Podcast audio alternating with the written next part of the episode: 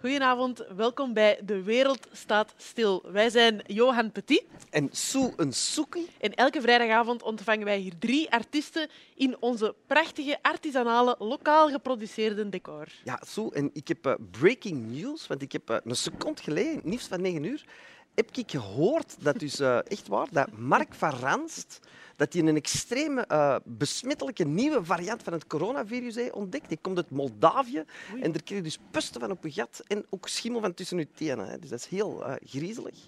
Um, en, uh, ah ja, en ook, wat ik ook heb gehoord op YouTube, heb ik dat gelezen, dat er dus tegenwoordig ook een polaire vortex boven de Noordpool zit, die ervoor zorgt dat binnenkort min 20 gaat vriezen en dat er ook een meter sneeuw gaat liggen, waardoor dus de wereld, die nu al tot stilstand is gekomen, nog stiller gaat staan.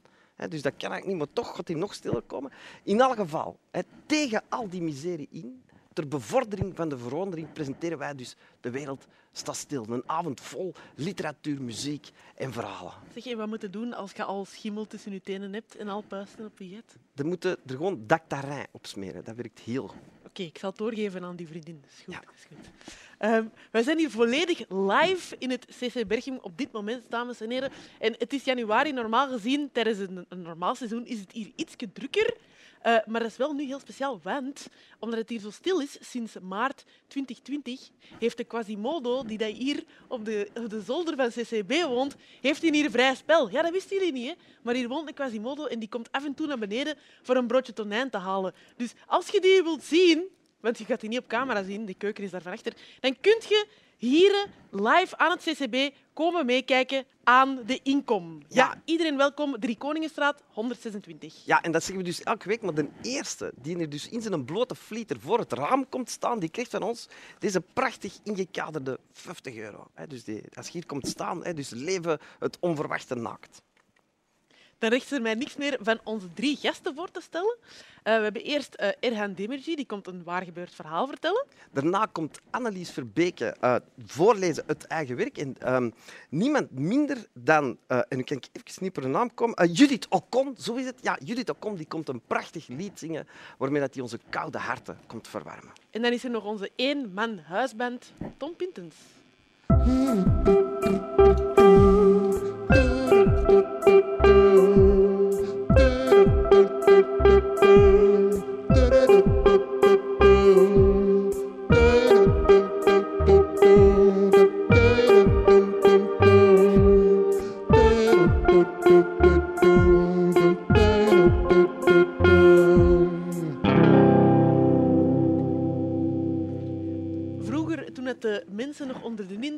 Van vuur, toen het wiel nog een verre toekomstroom was en toen het de online shows uh, nog niet bestonden, was er al één vorm van entertainment, het verhaal. En het verhaal dat, uh, dat, was toen het enige vorm van entertainment dat er was. Er waren geen boeken, er waren geen muziek, er was geen Instagram. En nu, zoveel jaren later, bestaat die vorm van entertainment nog steeds. En uh, wij bij De Wereld Staat Stil willen daarom een ode brengen aan het verhaal. En we laten elke week iemand langskomen die een waar gebeurd verhaal komt vertellen. En deze week is het niemand minder dan stand-up comedian en tv-maker Erhan Demertje. Goedenavond. Hallo, dag Erhan. Welkom. Dankjewel. Ja, goed u nog eens te zien. Ja, het zal niet. Ik vind het fantastisch om hier, dat meen ik echt, terug buiten te komen. Het gevoel hebben van dat ik mag een keer toch iets gaan doen uh, met jullie samen, met heel dat team hier. Dus uh, geweldig. Ja, dat is leuk om nog eens een activiteit ja, te hebben. Had jij een favoriete lockdown-activiteit uh, thuis? Oh, favoriete lockdown. Veel Netflixen en koken heb ik ook vaak gedaan deze oh. periode. Dus, uh, Jesus. Ik, ik, ik, ik zei daar straks backstage. Deze hemd was eigenlijk mijn hemd waarmee dat ging optreden en die kwam te groot. En nu moet ik mijn buik inhouden om niet over te komen als een sumo-worstelaar. Dus uh, het wordt tijd dat we uit lockdown gaan en terug kunnen gaan optreden en werken. En, uh, wat gezonder leven. Zeg, ja. Wat is uw lievelingsgerecht dan? Wat is het gerecht dat je het meeste gekookt hebt? ik heb heel veel Belgische gerechten geleerd. Jan. Zo, met YouTube, even kijken naar Jeroen Meus. Stoofvlees heb ik leren maken. Balkjes en tomatensaus. Uh, zo witloof met, met zo van die uh, halal uh, dingen rond. Met kaas en zo van die dingen. Ik heb me echt geamuseerd. Hm? Zeg, en als je dan terug mocht gaan spelen, ja. hè, want jij was wat maken aan het spelen, ja. hè, show. En ik denk dan altijd, ja, als we terug uit lockdown gaan komen, Ja, dan kan je die show toch niet meer helemaal hetzelfde spelen, omdat we een nieuw tijdperk zijn Nee, ingegaan. maar wel, we maken is eigenlijk afgerond. Beter nog, vanavond, we zijn de 15e. Vanavond had ik mijn avant-première van de derde show, Doe Rustig. En Oh. morgen, dus eigenlijk 16 januari, was de première in het Casino van Beringen. Maar ik zit vanavond hier bij jullie. Ja, Dus alles is uitgesteld, hè. je weet dat ook. Hè, zo. We zullen zien wanneer, dat, eh, wanneer dat we terug mogen. Hè. mhm, mhm. Amai, maar je hebt gewoon al een nieuwe show klaar. Doe rustig, ja. Jongen. Het, was, eh, het is met, met pijn in het hart, maar vandaag mag ik hier bij jullie zijn. Dat is ça va, ça va. Alright. Eh Iran, jij woont in Brussel en Ja. daar is de afgelopen dagen wel eh, niet echt rustig geweest. Eh, eh, hoe heb jij daar, eh, hoe heb jij dat daar ervaren? Ik, ik wist dat zelfs niet, want ik was die dag en ik mocht eens een keer buiten komen als ze opnames. En eh, toen ik terugkwam, hoorde ik dat van iedereen op de weg. Want ik woon eigenlijk in Schaarbeek, hè, de Noordrand. En eh, als je met de trein gaat, ja, dan pakt dat Noordstation de trein, eh, de tram naar huis. Dus ik heb niks meegemaakt tot als ik s'nachts thuis kwam en wist van ze hebben hier weer al eh, oorlog gevoerd. Dus ik, ik, ja, zoiets, ja, je kunt daar nooit goed. Hè. Dat, is, dat is dramatisch dat dat gebeurt. Dat dat er is, want dat neemt weer al zo'n negatief ding met zich mee. Maar ja, die jongeren, ik, ik leef wel. Ik weet dat wij het moeilijk hebben, volwassenen, hè, als we ons maar volwassenen mogen noemen. Maar die jongeren vandaag die hebben het heel moeilijk. Ongeacht welke af, afkomst, welke huidskleur, van waar. Die zitten thuis, die kunnen niet gaan studeren, die hebben geen festivals gehad, die kunnen niet buiten komen. De thuissituatie van velen is ook enorm slecht. Dus die zitten dan opgesloten en, en dan krijg je zo negatieve dingen. Hè. Heb jij, toen als jij jong jij, zijn jij ooit in aanraking gekomen eh, met de politie? Eh, ja, Ja? ja. Maar Ik, ik zal zeggen dat mijn jeugd zo'n beetje het watervalsysteem was. Hè. Ken je het? Ja. Zo van A zo foef naar beneden. Dus de periode tussen 16 en 1920 zeg maar, was niet zo goed. Ik heb zelfs zo van die dingen moeten doen, hè. zo gemeenschapswerk en zo van die dingen. Om, eh, Ja. Maar kijk, zoveel jaar later is dat toch goed gekomen. Ja, en nu zit je hier bij ons met een waar gebeurd verhaal. Erhan, wij zijn zeer benieuwd. Is het waar? Ja, ik ook. Ik vind, ik vind het al tof om een keer iets te doen dat niet met humor te maken heeft. Weet je? En mijn verhaal, ik noem het, en ik ben blij dat ik het hier mag een keer vertellen in die vijf à tien minuten, noemt eigenlijk voor mezelf eh, de rit van mijn vader. Zo noem ik het. Het verhaal van ons allemaal. Want het gaat het over jongeren, over puberteit. Dat is een hele moeilijke periode geweest in mijn leven. Ik kom uit de cités hè, in Limburg, de koolmijnstreek, met alleen maar eigenlijk allochtonen. Turken, Italianen, Marokkanen, zo- zo'n beetje dat groepje. En eh, tot ja, de leeftijd van 18, 19 was ik zo de Turk. Ik voelde mij Turk, ik deed ook Turk. Kende het, zo dat typisch clichébeeld van hand naar buiten, Turkse muziek, stoer doen. Dus alles wat Belg was, alles wat je tot toen niet kende, dat was vreemd voor u. Dus dat was een soort van identiteit dat je je eigen aanneemt. Maar van het moment dan, ik heb het over 22 jaar ongeveer, dan keerde. Dan ging ik studeren in Brussel. En plots kwam ik alleen maar in contact met Belgen, als ik nu zo even mag zeggen. En dan merkte ik dat zo ook in mij een beetje een omschakeling ging van zo dat Turk zijn en ik ben trots op Turkije, altijd nummer één, dat verhaal, naar ik ben Belg. En ik wil niks meer te maken hebben met dat Turks gegeven. En ik, ik, eh, ik verstopte mij daar zelfs achter. Dus als mij, mensen mij vroegen van waar zijn in Limburg, dan zei ik nooit de cités. Want ik had dan schrik dat die zouden hebben, een beeld zouden hebben van ja, dat is allemaal negatief. Maar op een gegeven moment begint dat ook te wringen. Dus je zit in dat Turkse identiteit en je puberteit. En dan heb je zo je Belgische identiteit. Maar er zat niks tussen. Dus je begint Mhm. je vragen te stellen. Ik denk dat dat geldt voor heel veel jongeren vandaag de dag ook. En ik kwam dan thuis vaak met, ja, ma, pa, vooral papa, hoe zit dat verhaal? Wat zijn we eigenlijk? Hoe zijn wij hier gekomen? Waarom zijn we naar hier gekomen? Konden we niet gewoon ginder blijven? Maar zoals mijn vader en veel andere vaders en grootvaders, merkte ik dat, die, dat zo'n periode in hun leven, dat zij verdrongen. Dus die zei daar niet veel over. Als je dan vroeg, zei ja, we zijn hier gekomen en werken in de mijn. Dat was het. Dus dat tweede, derde jaar, mijn studentenperiode, heb ik om op zoek te gaan naar mijzelf, echt, zo de crisis die je nu zelf hebt, had ik van mijn grootouders gehoord van hoe dat mijn vader hier was beland. En hij heeft dat mij nooit verteld. Dus de rit, wij komen uit Euder, dat is helemaal in het oosten van Turkije, tegen de grens met Azerbeidzjan, Armenië, Iran. Dus die is van daaruit, uit een klein dorpje, vertrokken naar België. En ik dacht, om op zoek te gaan naar mezelf, hoe cool kan dat zijn misschien, heb ik mijn Belgische vriend gezegd van, zie het zitten om met mij tijdens de zomer die rit opnieuw te doen. Dus ik ben gevlogen naar Turkije, van, Turkije, van Istanbul, sorry, ja, gevlogen naar het dorp, helemaal in het oosten uh, van het land. En ik kwam in het, in het dorp zeg maar, van mijn ouders, van mijn vader. En het idee was dat we daar dan een week gingen blijven, kende het, onze generaal, een week chillen, hangen en dan terug. Maar ik kwam daaraan en dat was echt een cultuurshock. Ik kwam in een dorp waar dat ik zeg maar iets, twintig huizen stonden. Allemaal oude mensen, waarvan dat de jongeren allemaal vertrokken waren naar het mm. buitenland. En ik dacht van, jezus, ik hou dit geen dag vol. Uh, hoe ga ik hier blijven? Zwat, die eerste nacht hebben we daar uh, geslapen. De volgende dag, kent dat, je staat op, je gaat een keer het marktpleintje op. En dan ben ik eigenlijk ouderen tegengekomen, die super vriendelijk waren. Die, die ook afvroegen, wat doen die twee jonge knapen hier in ons dorp? Van waar komen die? Heb ik dat verhaal verteld van mijn vader. Die, ja, iedereen kent elkaar. Ze weet, ah ja, dat is de zoon van de Nayan, zoveel jaren geleden vertrokken. En dat was denk ik de mooiste week in de laatste tien jaar. Dus de verhalen die ik dan daar meekreeg van de eerste vertrokkenen, noemen ze dat letterlijk vertaald uit het Turks. Het verhaal van Marokkanen, van Turken, van iedereen die immigreert eigenlijk. Dus in die periode, ik heb het over 20, 25 jaar geleden, veel armoede, veel mensen die geen werk hebben.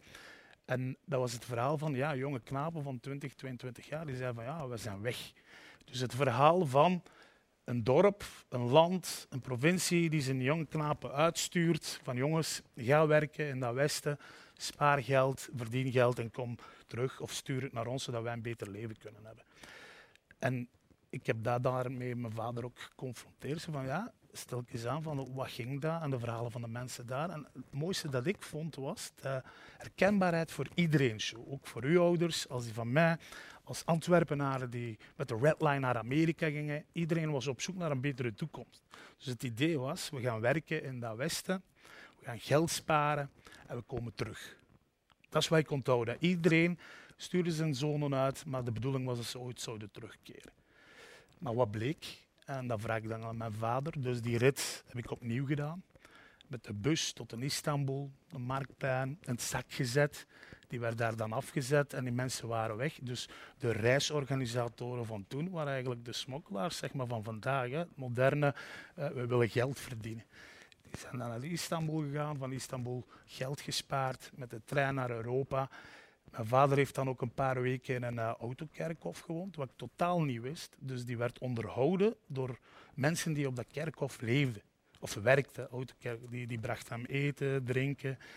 En dat was de eerste keer in mijn leven dat ik, denk ik, voelde wat zoveel miljoenen mensen hè, die naar Europa kwamen, hebben gevoeld. Een jonge knaap van 20, 22 moet je dat inbeelden. Die gaat naar een ander land, andere cultuur, andere normen en waarden, andere sfeer, ander leven.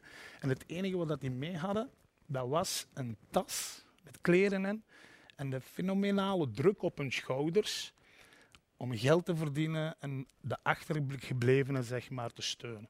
Te zorgen dat die het beter zouden hebben. En ik heb mijn vader daarmee geconfronteerd toen ik dat allemaal heb meegemaakt. Ik kan er echt een uur over vertellen hier, maar ik ga het samenvatten in dit.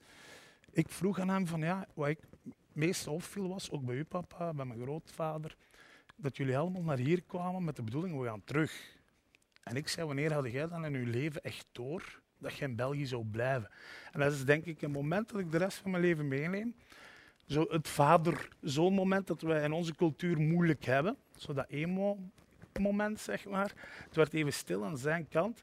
En hij zei van, ja, de dag dat ik doorhad dat ik voorgoed in België zou blijven, was de dag dat ik met uw mama voor de schoolpoort stond voor uw eerste dag in de kleuterklas. Dat de kleuterlijster u kwam ophalen en zei van, hij kan naar het klasje. En hij zei van, op dat moment dat ik pas door, ik kan nu shit zeggen, maar op dat moment dat ik door van, fuck, ik blijf voor de rest van mijn leven in dit land, want mijn kind gaat nu naar school. Dus die hebben jaren met dat idee gezeten. Daar zijn vier, vijf, zes jaar tussen. We gaan sparen, we gaan geld verdienen en nooit gaan we terug. En daar had hij het moment van, we blijven hier. En dat moment van we blijven hier, dat is eigenlijk zeg maar een keerpunt geweest in mijn leven dat ik dacht van die generatie, die mensen, Turk, Marokkaan, Belg, Italië, whatever, maakt niet uit. Congolees. Die hebben hun leven ergens een beetje opgeofferd zodat wij dit kunnen doen. Voilà, dat was mijn verhaal. Prachtig. Mai. En uh, je, zegt die, mijn ouders hebben hun leven opgeofferd voor, voor mijn leven eigenlijk. Heb u er dan nooit schuldig over gevoeld? Nee, ah, wel, dat, vind ik het leuke aan dat, dat dat keerpunt was voor mij. Want je bent op zoek naar identiteit. In het begin hebben ze van, ik ben Turk. Waarom zijn we in godsnaam hier? Ze willen ons niet. En dan verandert dat naar, oh, ik ben Belg. Hè? Ik wil niks meer met mijn verleden te maken hebben. Maar als je dan dat soort verhalen hoort, dat de generaties voor u zich hebben moeten opofferen door hè, kolen te schuppen. Hè? Iedere dag. Keihard werken, kolen schoppen.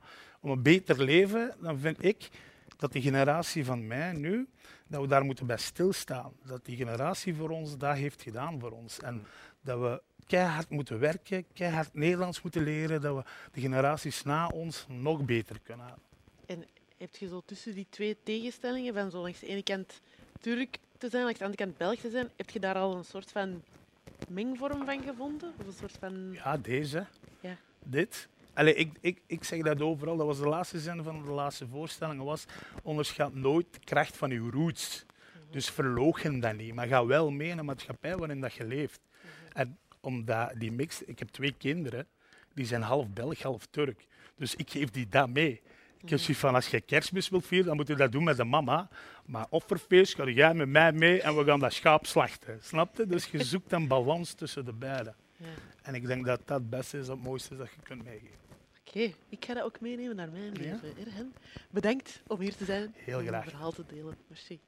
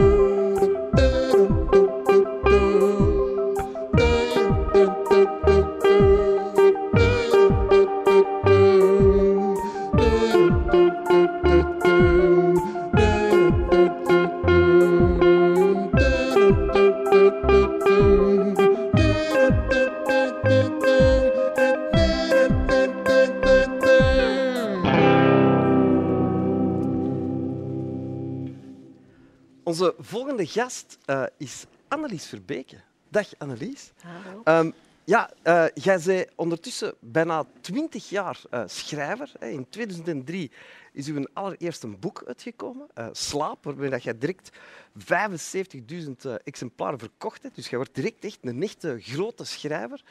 Eh, en sindsdien heb jij eh, kortverhalen geschreven, heb jij nog een hoop romans, eh, toneelstukken, scenario's, columns. Dus jij, jij schreef essays, schreef jij ook. En, en ik vroeg me af, waar haalde jij al die ideeën vandaan?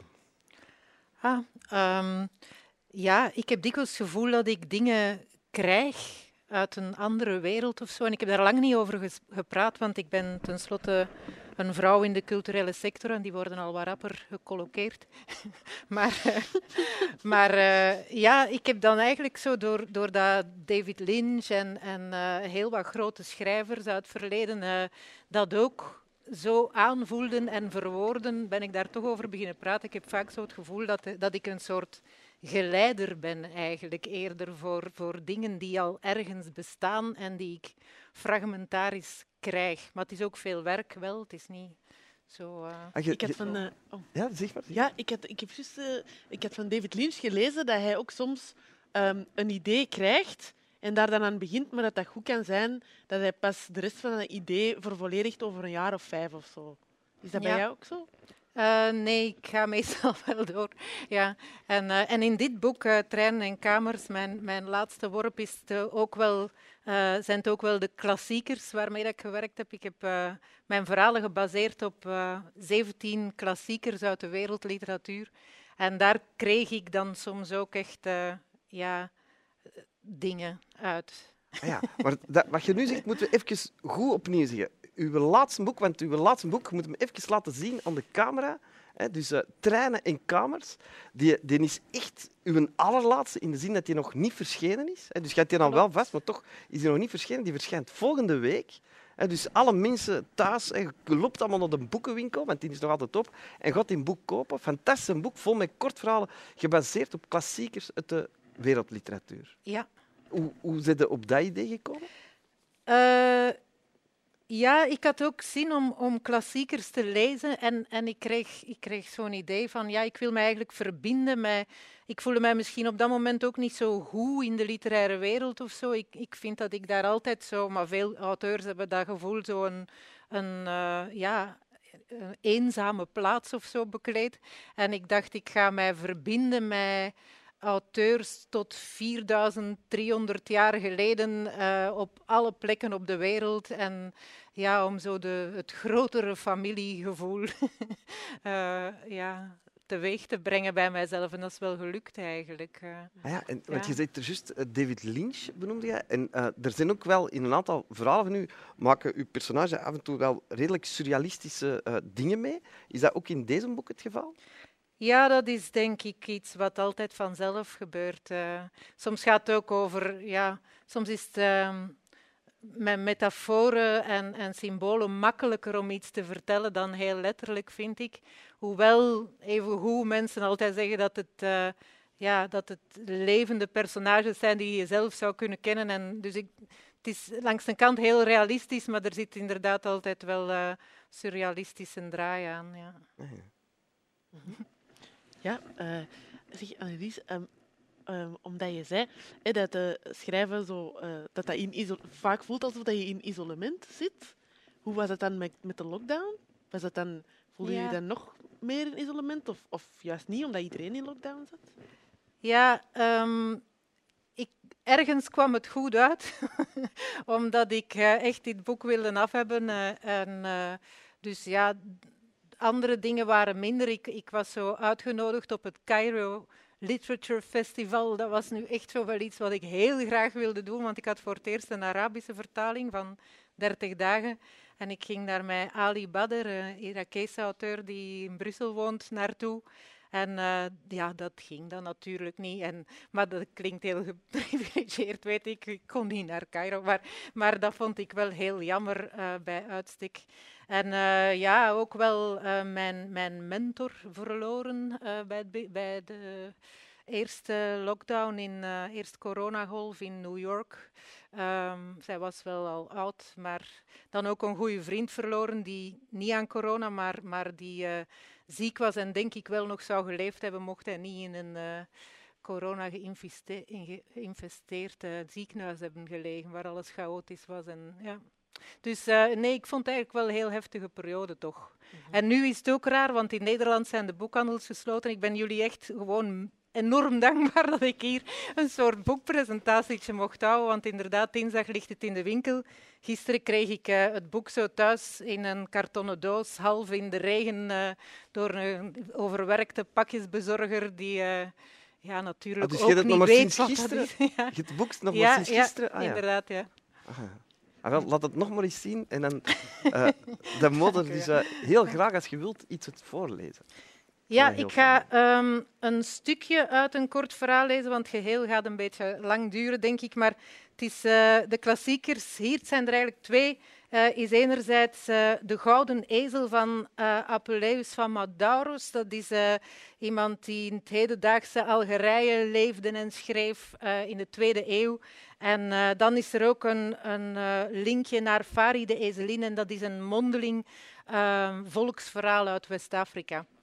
En ik lees ergens midden in het verhaal, dus um, misschien moet ik toch vertellen dat er een vrouw uh, is in de hoofdrol die uh, eigenlijk zo depressief is dat ze niet meer verroert. Maar gelukkig voor haar is haar ziel heeft zich verplaatst in het lichaam van een ezel. Ah, ja.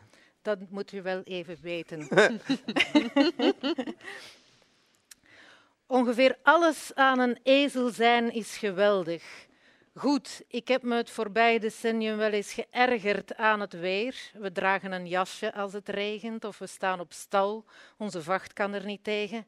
Maar zelfs dat in veel mindere mate dan toen ik een mens was. Een verrassing was dat het eten me zo smaakt. Gras is prima en wat de jonge en de oude vrouw ons komen brengen nog beter. Er wordt uitstekend voor ons gezorgd. Hooi, tarwe, stro, appels, wortelen, soms wat suikerbiet, pulp, gerst. Mmm, gerst. Of de zoute liksteen waar ik momenteel aan sta te lebberen. Heerlijk. Had ik nooit gedacht, ook nooit bij stilgestaan. Maar het beste aan een ezel zijn is het balken. Ik kan er niet genoeg van krijgen. Wel eens commentaar op gekregen van voorbijgangers, mensen uiteraard, de occasionele hond. Wat ze er niet al in horen. En niemand die mijn euforie vermoedt, de zielenpoten. Balken, dat is zingen en krijsen en klaarkomen en bidden, dat is elke emotie ineen. Het valt niet uit te leggen, er zijn geen vergelijkingen. Ik kan het u tonen, ik zal hier voor u een rondje rennen en balken, rennen en balken, de combinatie. Ik heb het u getoond, ik tintel van geluk, u niet, u voelt dit niet, ik beklaag u. Samenbalken is ook tof, al doen we dat minder vaak. We zijn met zes en we hebben uiteenlopende karakters. We hebben geen behoefte ons voortdurend met elkaar te bemoeien. Maar er is ook samenhorigheid, respect.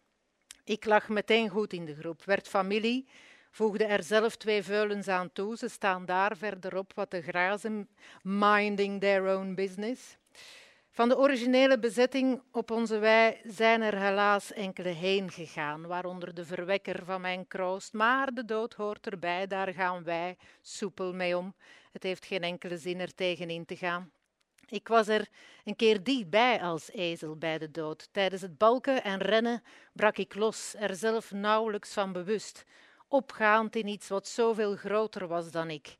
Ik weet dat ik een wedstrijdje hield met een trein. In galop balkte ik naar de mensen achter de ramen. Wilde u tonen wat dat is? Vrijheid. En toen plonsde ik een vijver in, kopje onder, geen bodem onder mijn voeten. En dan mensen in paniek, een touw om mijn kop, om mijn poten, pijn. En dat woord, afgemaakt. Ik dacht, dat was het. Maar de oude vrouw en de jongen kwamen me redden met hun verontschuldigingen en hun schadevergoeding en hun transportwagen, waarmee ze me veilig naar onze wei brachten. Topmensen zijn het. Soms blijf ik lang stilstaan en zwijg ik en ontglipt me de geest. Dan ben ik even een bleke, wezenloze vrouw op een bank in een woonkamer aan de andere kant van het land.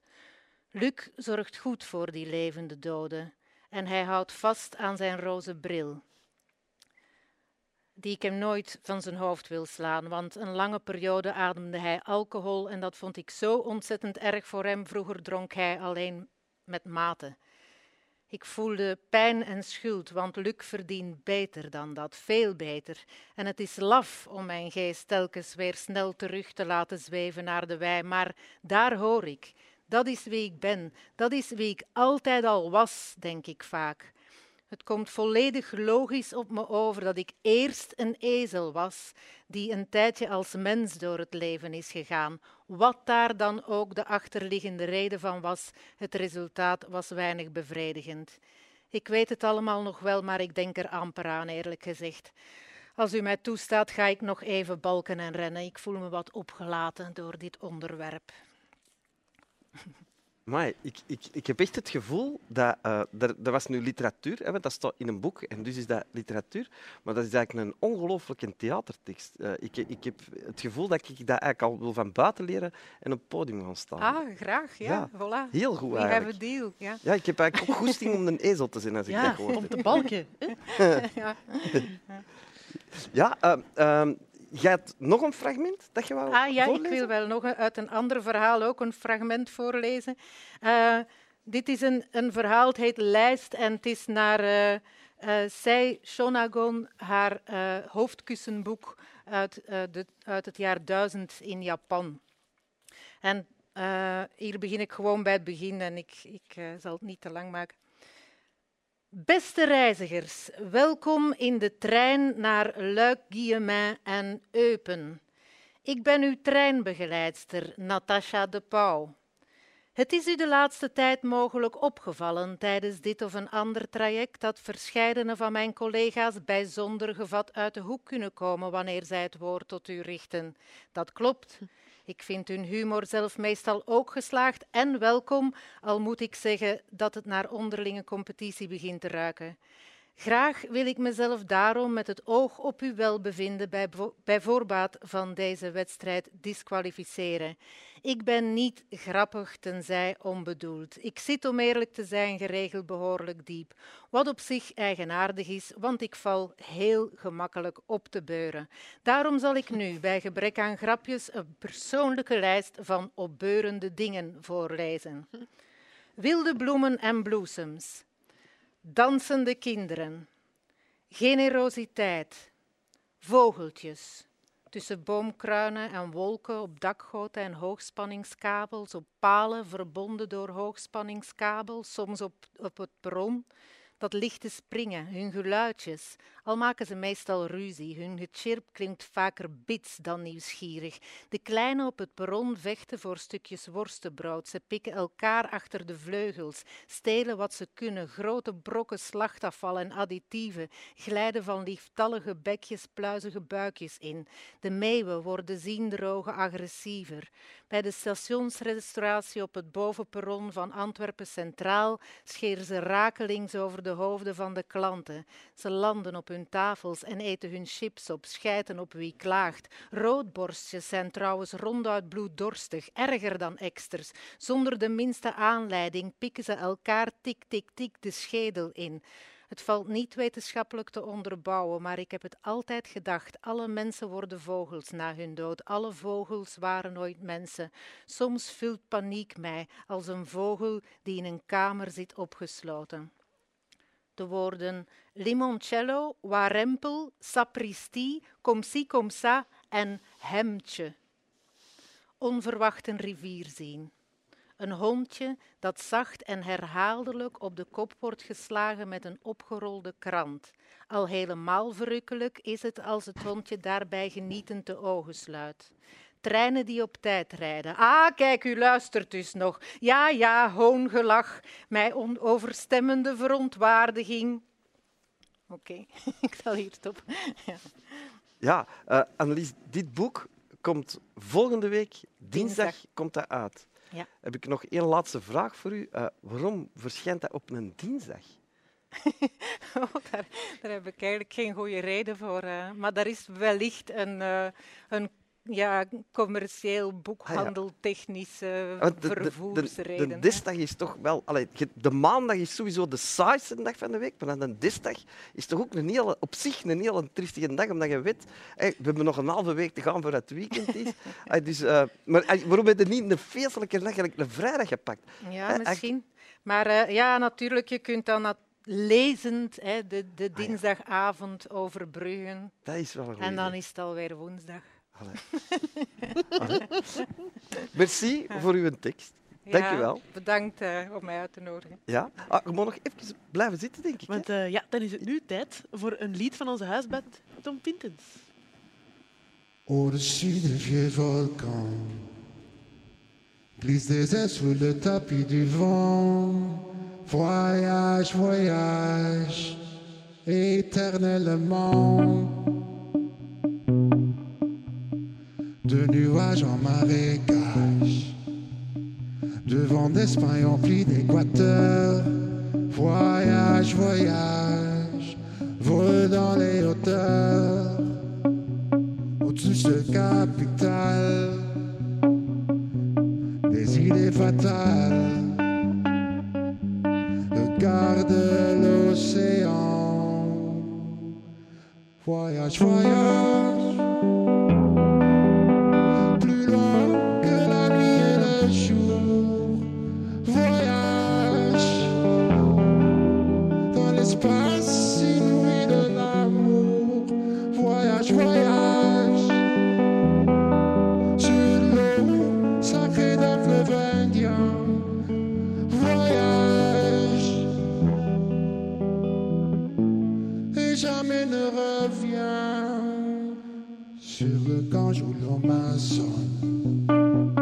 Chez les blacks, chez les sikhs, chez les jaunes. Voyage, voyage dans tout le royaume.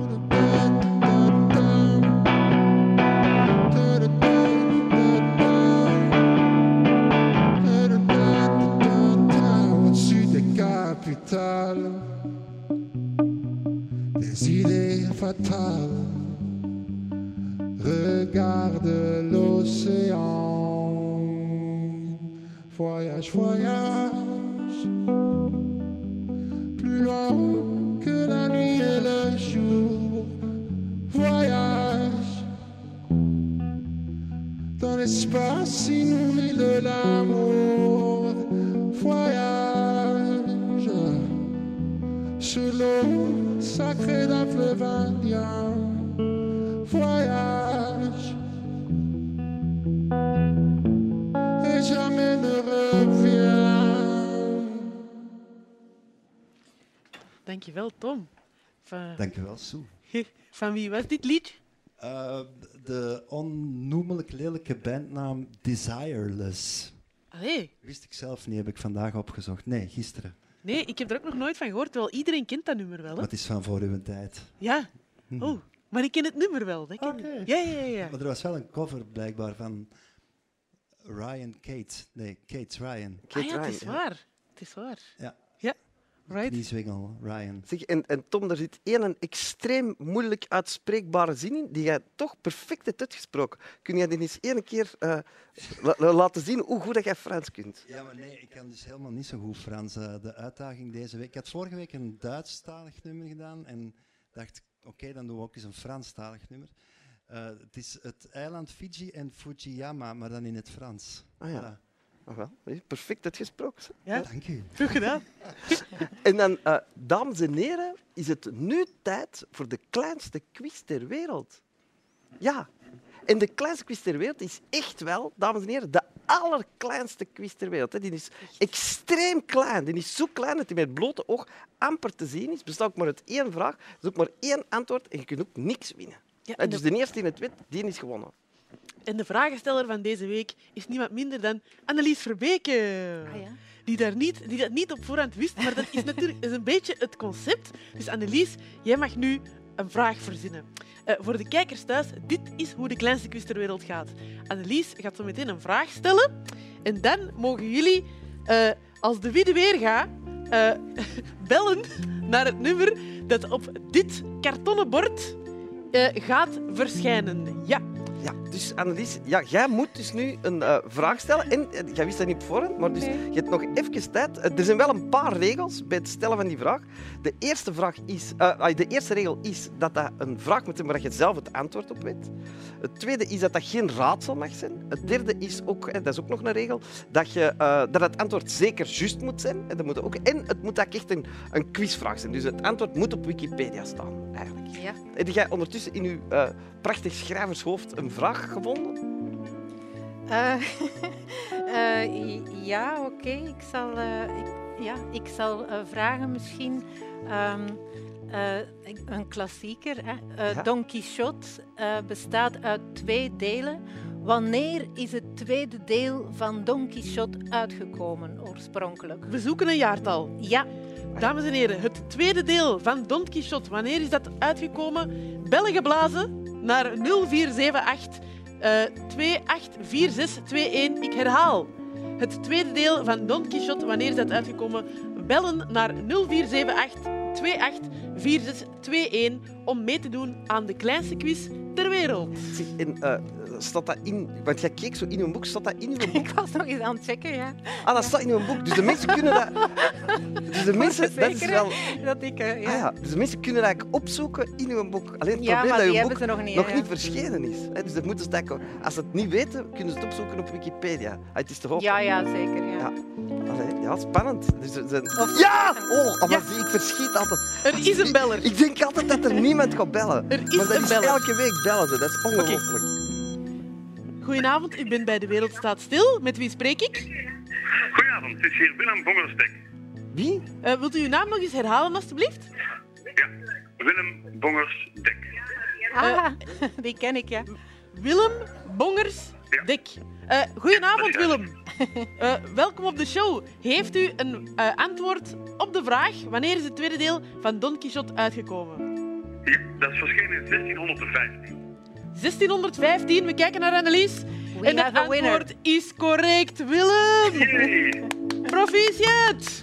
Bravo, Willem. Ja, proficiat Willem. Voilà. Eh, u heeft niet echt iets gewonnen behalve deze mooie ervaring. Ah, wel. En eh, mag ik dan mijn groeten doen aan Annelies Verbeke? Ja, de groeten terug. Ik hoop jou snel weer te zien. Heb je dat gehoord, Dat Willem? hoop ik ook. Ja, dat Alright. Eh, Willem, merci om mee te doen en tot de volgende keer. Hè. Met liefde. Dag zo. Bye bye. Ah, fantastisch. Voilà.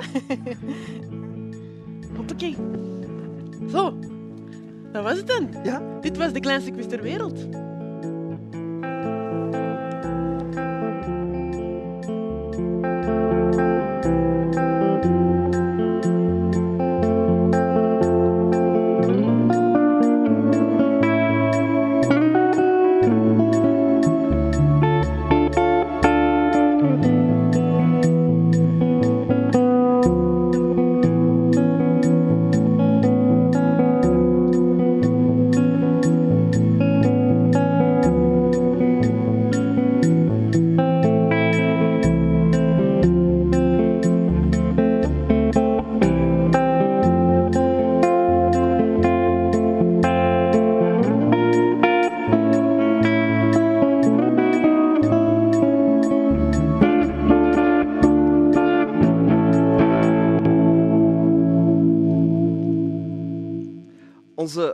Laatste gast van vanavond, dames en heren, heeft een eh, machtige, fluwele stem. Eh, en er zijn heel veel artiesten die helemaal eh, zot zijn van haar en van haar stem. Want ze heeft meegedaan onder andere bij Zap Mama. Uh, Cela Sou heeft ze ook met samengewerkt, met Delvis. En ook aan de laatste plaat hè, die dit, dit jaar verschenen is van Admiral Freebie. Hier is Judith Ocon. Hallo. Dag Judith. Ehm, ja, eh, jij hebt eh, eigenlijk met, de laatste jaren eigenlijk met heel veel verschillende artiesten samengewerkt. En eh, een aantal jaar geleden had jij uw eigen groep, Ocon eh in The Movement. Ehm, maar daar hebben we eigenlijk al een tijdje niks meer van gehoord. En ik vroeg me af, waar, waar zit jij zelf muzikaal tegenwoordig mee bezig? Ik ben bezig aan een eigen plaat. Dat heet gewoon Ocon. Ehm, en daar ben ik volop voor aan het schrijven en aan het produceren en samenwerken. En voilà, daar ben En ik mee bezig. Jij zit die zelf aan het maken, die Ja, plaat? ik ben die samen aan het maken, samen met Lief, eh, Boris van Overschee. Ehm, ja, en hopelijk kan ik dit jaar zeggen, de plaat is af. Ah, ja. En eh, eh, als je zo zelf een plaat, hoe moet ik me dat voorstellen? Is dat dan in uw living of eh doe je dat in de kelder? Waar, waar, hoe maakt? Eh, Is dat in een studio? Hoe gebeurt dat eigenlijk? Ehm, wij, hebben, wij hebben een studio thuis. En dan, ja, dan pak ik eigenlijk gewoon eh, mijn laptop mee waar de instrumenten staan. Of de, ik sleur de instrumenten mee naar een kamer dat, waar dat de feng shui een beetje goed zit. En dan eh, sluit ik me daarop en maak ik nummers en beats. En zo evolueert dat. En, en speel jij zelf ook eh, instrumenten? Ik speel piano. En ehm, ja, en ik kan programmeren op, op Ah ja, dat is- computers. Ja. Eh, Ja. Als je zo ehm, in de lockdown eh, moet, moet eh, produceren, dus muziek moet maken, Mhm. blijft de feng shui dan goed in die kamer of moet je af en toe wisselen? Ehm, ja, de lockdown. ik, ben, ik heb ja, heel veel kamers gevonden in mijn huis. Ja. waar dat ik even moest veranderen. Maar ehm, ja, lukt wel. het was even moeilijk, maar ik denk voor iedereen. En komt wel goed. Ik heb er hoop in. Heb jij een wens voor 2021? Ehm, voor, voor iedereen, Of voor jezelf? voor mezelf. Ja. Ehm, voor mezelf dat die plaats afgeraakt en voor iedereen dat het beter wordt. Dat iedereen terug kan ademen. Dat, dat is mijn grootste wens. Ja. Ja. Zoiets. Eh, en jij hebt een nummer bij voor ons. Ja. En welk nummer is dat?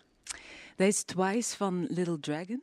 En waarom heb je dat nummer gekozen? Was, was het verhaal daarachter voor jou? Ehm, ik heb even moeten zoeken, maar ik kom uit een, uit een heel klein dorp in het mooie Pajottenland. En eh, toen ik ging studeren in de grote stad Antwerpen, ehm, op het conservatorium heb ik jazz gestudeerd, kwam ik heel veel mensen tegen, medestudenten die ook mega ehm, gepassioneerd zijn door muziek. En dan leerde ook heel veel nieuwe artiesten kennen. En ja, dan plots kwam dat nummer, Twice, van Little Dragon. En je bent bezig met jazz en de complexiteit ervan. En dat nummer was super simpel. Mega simpel, prachtige tekst. Dat, waar dat duizend verhalen in kunnen zitten, afhankelijk in, in welke levensfase dat je zit, denk ik. En ehm, ik was toen ook echt de beginselen van eigen muziek te maken. En dat heeft mij heel hard eh, geïnspireerd. Dus daarom dacht ik van, als er één nummer is dat ik voor altijd, ja, voor altijd verliefd op ben, dan is het dat nummer. Voilà. Wij zijn heel benieuwd. Ga je gang. Twice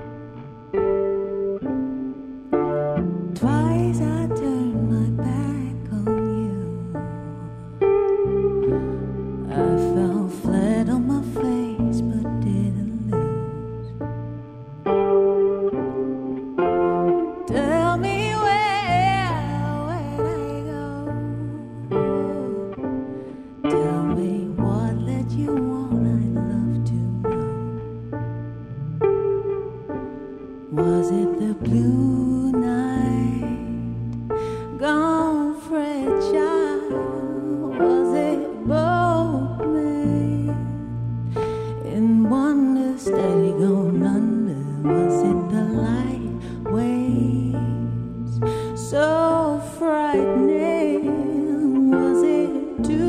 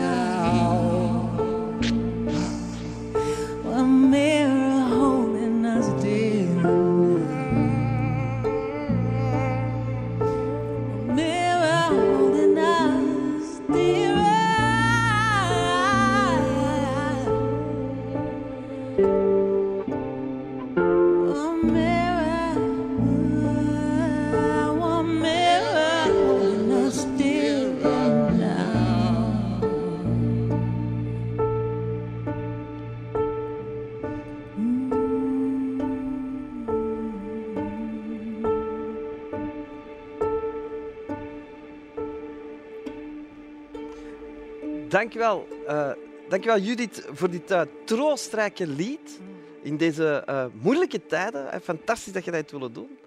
Eh, we zijn er heel blij mee. Mhm. Mhm. Merci dat ik mocht komen. Ja. Ja. Ja, zeg maar. Ja, we zitten aan het einde van onze show, helaas.